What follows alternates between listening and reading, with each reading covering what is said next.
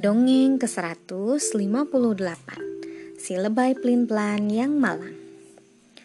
Dahulu ada seorang guru agama bernama Lebay Dia tinggal di tepi sungai di daerah Sumatera Barat.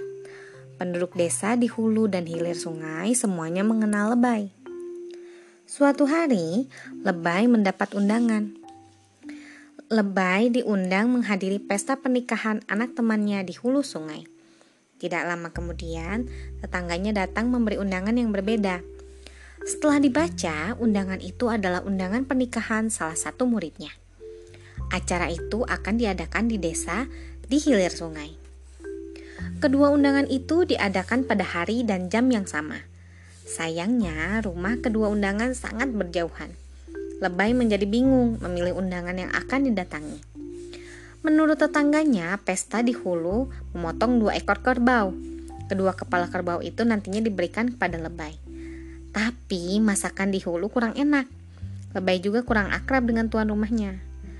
Sementara itu, pesta di hilir hanya memotong satu ekor kerbau. Namun, masakan di hilir terkenal kelezatannya.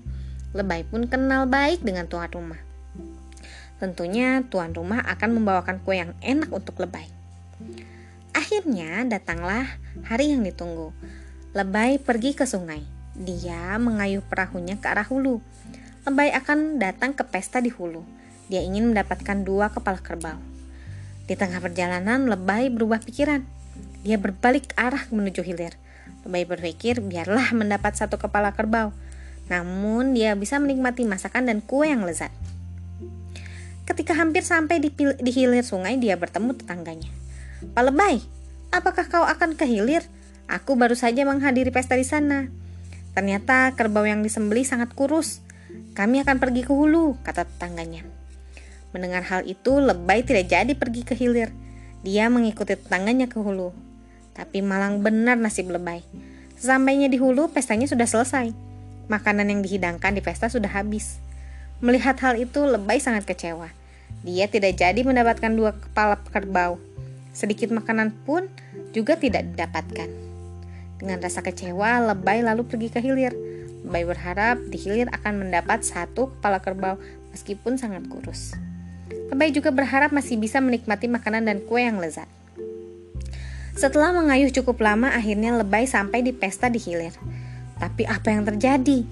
Pesta di hilir juga sudah selesai. Para tamu undangan pun sudah pulang semua. Makanan di pesta juga sudah habis.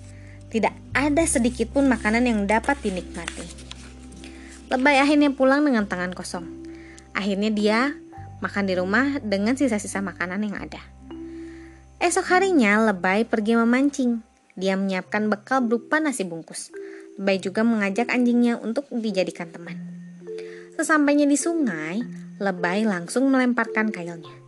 Lebay menunggu dengan sabar. Setelah beberapa saat, kailnya mulai bergerak-gerak. Akhirnya aku dapat ikan. Kebetulan sekali, aku sudah lapar, kata lebay. Ketika menarik tali pancingnya, lebay merasakan kailnya tersangkut di batu. Lebay pun menyelam ke dalam sungai. Benar saja, kailnya tersangkut di sela-sela batu. Lebay juga melihat seekor ikan besar tersangkut di kailnya. Dia pun berusaha mengeluarkan kail dan ikannya dari sela-sela batu. Tapi ketika mengambil ikan yang memakan umpannya, ikan itu meronta-ronta. Tubuh ikan yang licin itu sulit dipegang oleh lebay. Ikan itu akhirnya lepas dan berenang dengan cepat. Dengan kecewa, lebay pun keluar dan berenang ke tepi sungai. Sementara itu, perutnya sudah lapar. Dia berpikir akan makan bekalnya dulu. Setelah itu, lebay melanjutkan memancing. Saat akan mengambil bekal, bekal betapa kagetnya lebay. Ternyata anjingnya sudah memakan nasi bungkus yang ia bawa. Wah, benar-benar malang nasib lebay. Sejak itu, dia mendapat julukan si lebay malang.